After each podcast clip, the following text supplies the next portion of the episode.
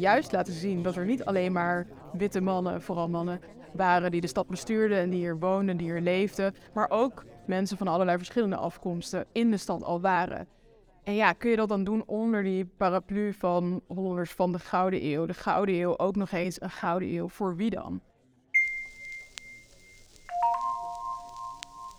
Toen het Amsterdam Museum in 2019 de term Gouden Eeuw ter discussie stelde, wisten ze niet wat het allemaal teweeg zou brengen.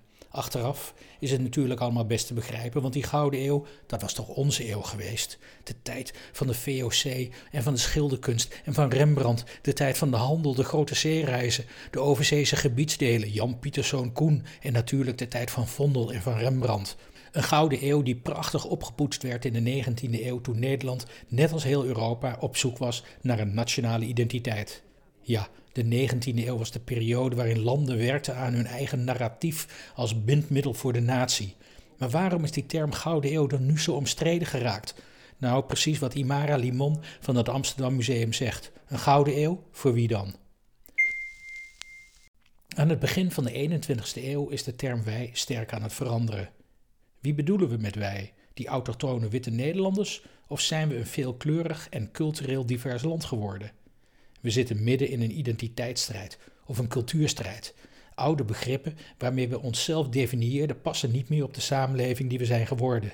En daar is lang niet iedereen het mee eens. En dat levert heftige debatten op. We hebben de tentoonstellingtitel veranderd. En wilden ook de gelegenheid natuurlijk aangrijpen om dan goed uit te leggen waarom Gouden Eeuw um, niet meer als titel vonden passen. Maar we willen wel mensen ervan bewust maken dat mensen dat ook maar bedacht hebben vanuit een bepaalde blik, dat het een gouden eeuw was en dat het een bepaald doel diende om die tijd zo te noemen. En het doel dat was uh, stedentrots. En dat is toch wel problematisch als er al zo'n onderbelicht verhaal onderhangt van mensen die eronder geleden hebben. En als we juist dat verhaal willen belichten, ja, dan kun je dat niet onder die paraplu doen.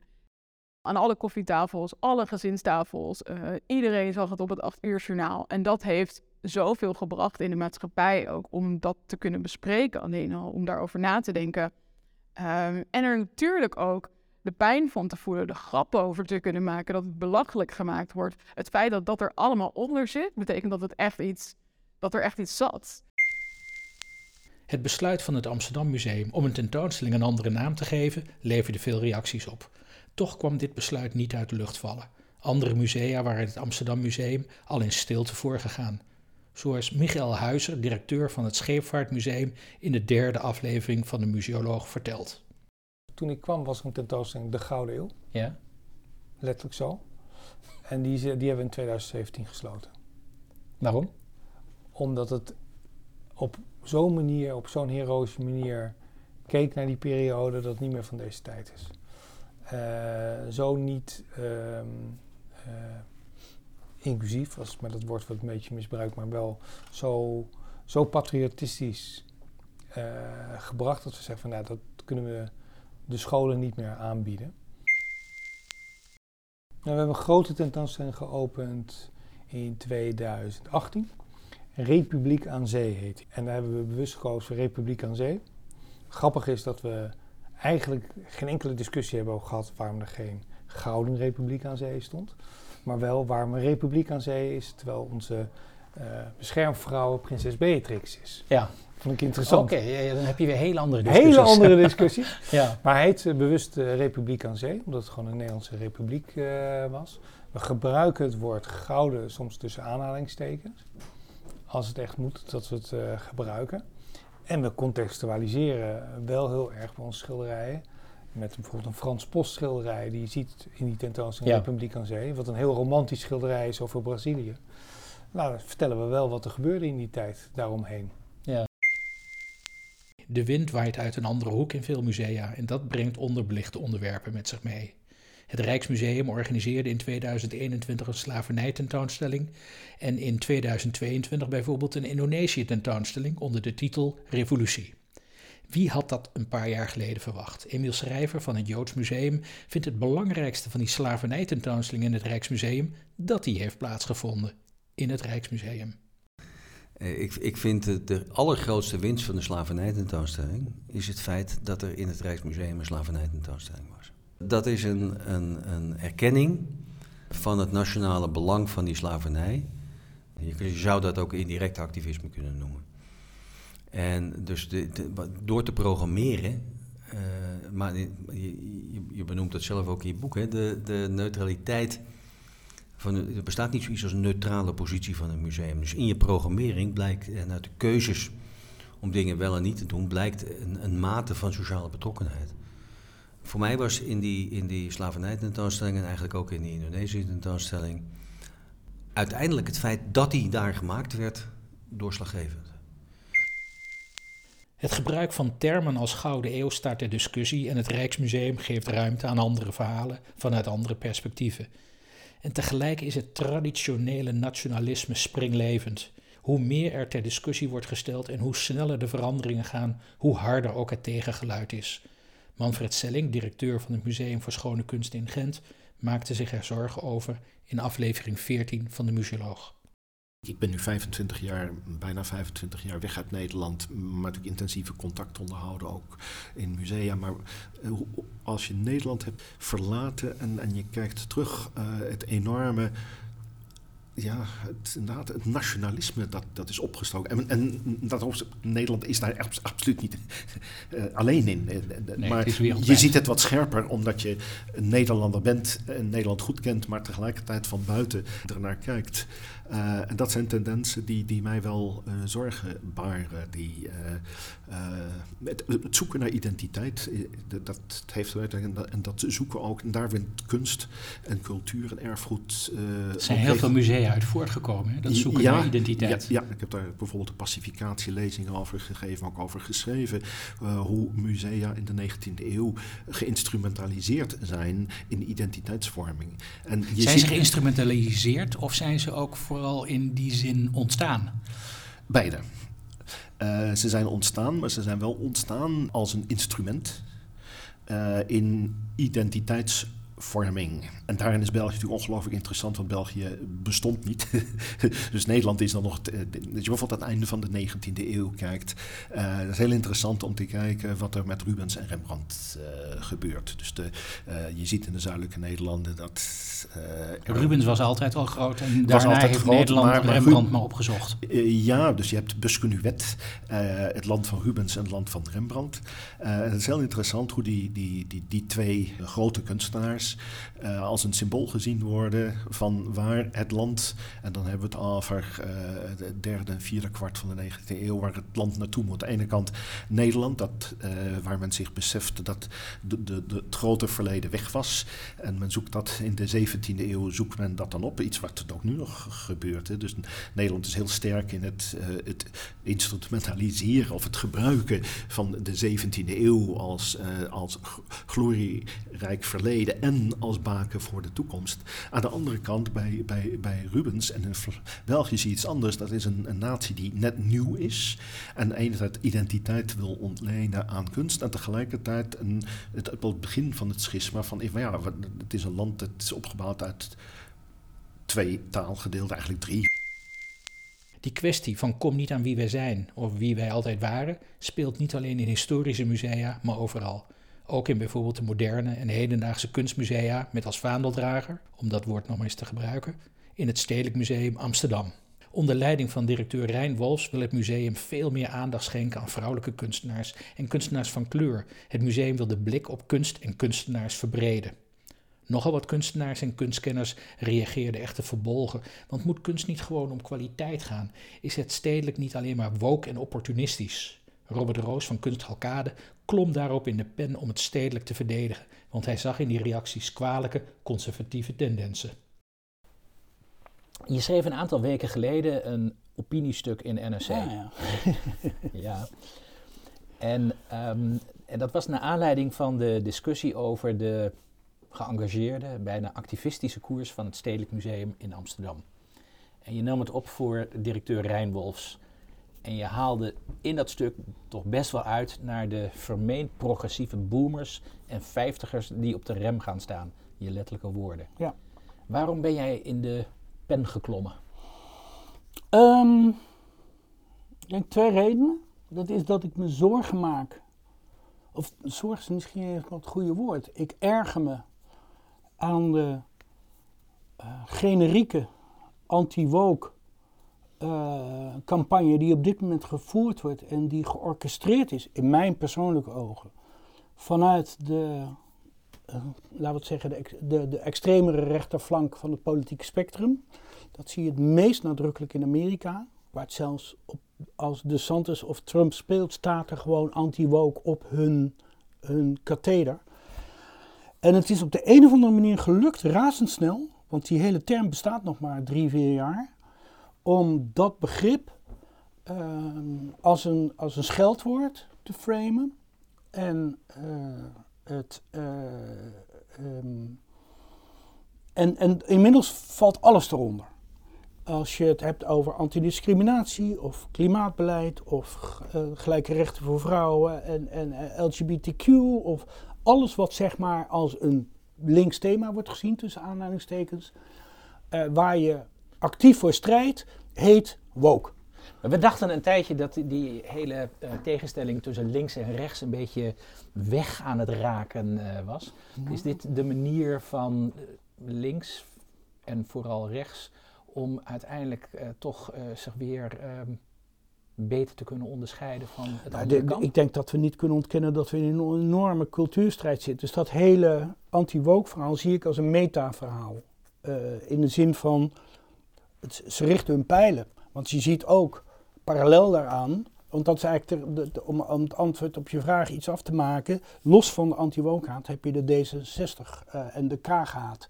En, en, je ziet dat het gelukt is. Wat voor haat is dat? Nee, nou ja, wat, ik zie, wat ik zie is, ja, de, wel lang antwoord misschien, maar um, uh, ja, het wordt heel politiek nu. En ja. ik zeg dit op persoonlijke titel. Dit is niet de officiële kunstalkaderlijn.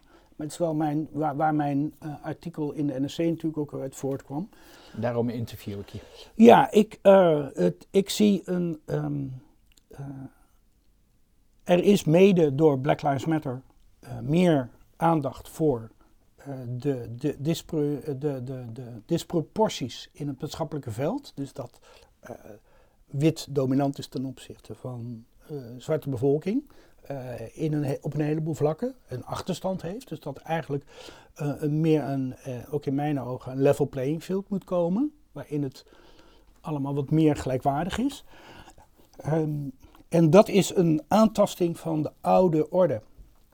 En ik zie binnen de conservatieve hoek dat ze dat niet fijn vinden. En ze zijn nu bezig met een soort, soort strijd tegen die beweging om die in feite parallel loopt aan wat er in de jaren 60 gebeurde. In de jaren 60 was natuurlijk ook een egaliseringsslag na de verstikkende jaren 50.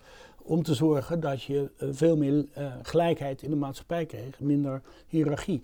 Dat is nu eigenlijk aan de gang met mensen van kleur. Uh, en dat heeft in Amerika in ieder geval tot een noodrem geleid aan de conservatieve hoek. Die zijn daar al moeilijk tegen. En ik vind dat het speelt over. Dat, dat, dat, het is nu ook in Nederland te zien. Misschien niet min, minder op die kleur, maar wel dat idee van onze vertrouwde jaren 50 zijn weg. Niemand stelde vragen. Dit was gewoon de maatschappelijke orde die er was.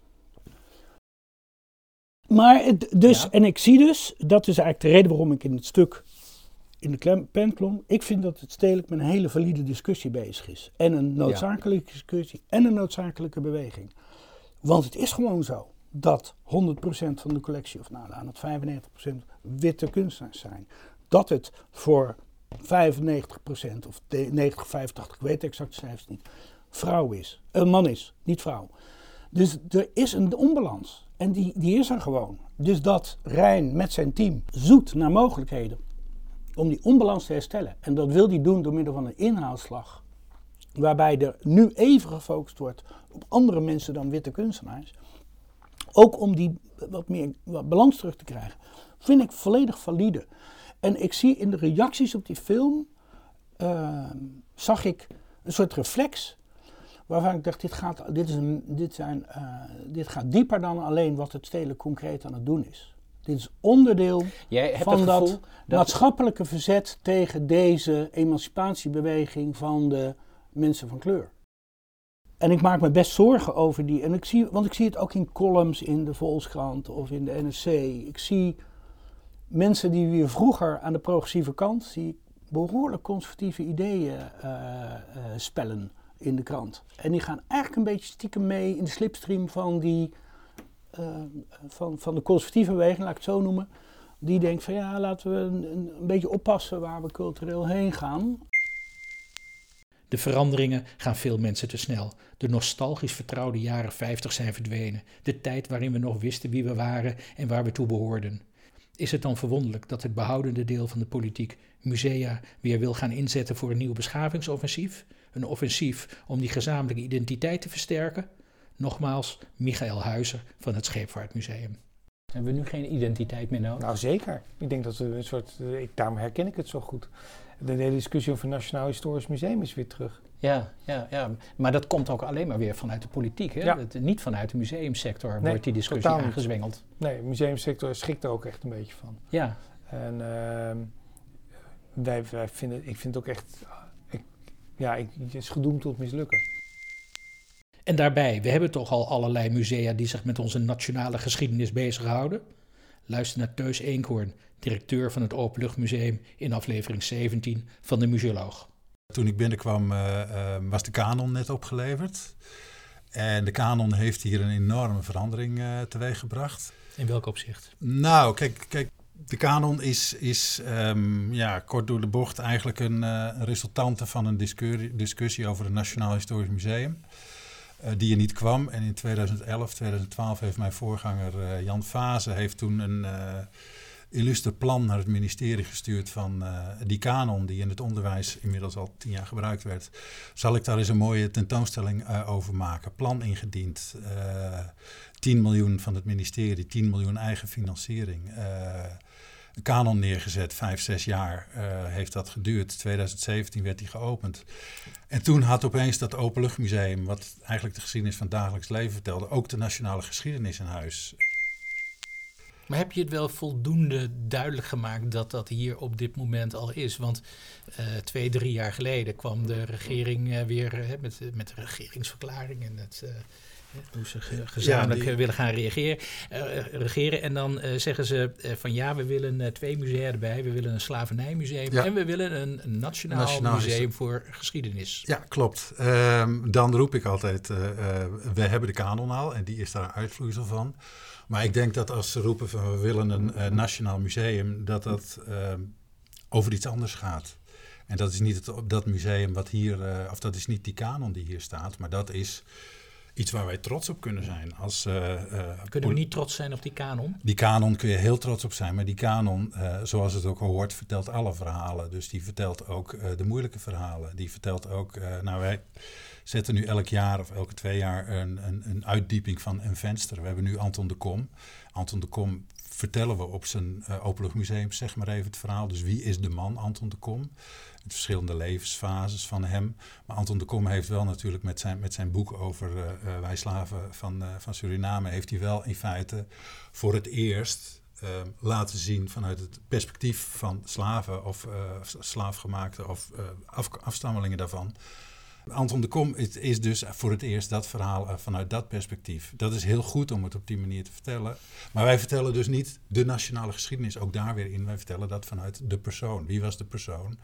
Uh, en hoe, hoe is uh, maar toch snap ik dat niet helemaal hoor. Je zegt, uh, wij vertellen niet de nationale geschiedenis, wij vertellen ja, het vanuit de persoon. Ja. Maar dat is toch maar alleen maar een vorm om ja. de nationale geschiedenis te vertellen. En in een andere zin vertel je ook zo van ja, maar wat wij niet doen is, um, is, is die geschiedenis zozeer vertellen waar je trots op kunt zijn. Maar wij vertellen het uh, geheel. Zeg je dan dat de regering die inmiddels alweer is afgetreden, um, dat die een geschiedenis wil waar alleen maar de mooie positieve kanten in naar voren komen? Ik, ik, ik, ik ben benieuwd. Ik weet dat ze in, uh, wanneer was dat, 2000? Nou ja, het stond in het regeerakkoord. En uh, een jaar daarna heeft uh, onze staatssecretaris in de Kamer heeft een onderzoek voor drie jaar aangekondigd, wat 3 miljoen ging kosten. Met allemaal werktafels en alle, het, het, het bevragen van um, allerlei groeperingen in Nederland om de inhoud te geven. Um, stiekem had ik een beetje het gevoel dat dat een soort ehm, uitstel was, omdat ze er toch mee zitten van hoe, hoe vullen we het echt. En dat merk je wel vaker, en dat weet jij ook wel, denk ik, als geen ander. Hoe dichter je tegen de politiek aankomt, hoe, hoe zal ik het zeggen, hoe ehm, meer fluïde de inhoud van iets wordt, omdat er nogal verschillende partijen zijn die allemaal een eigen loopje met iets willen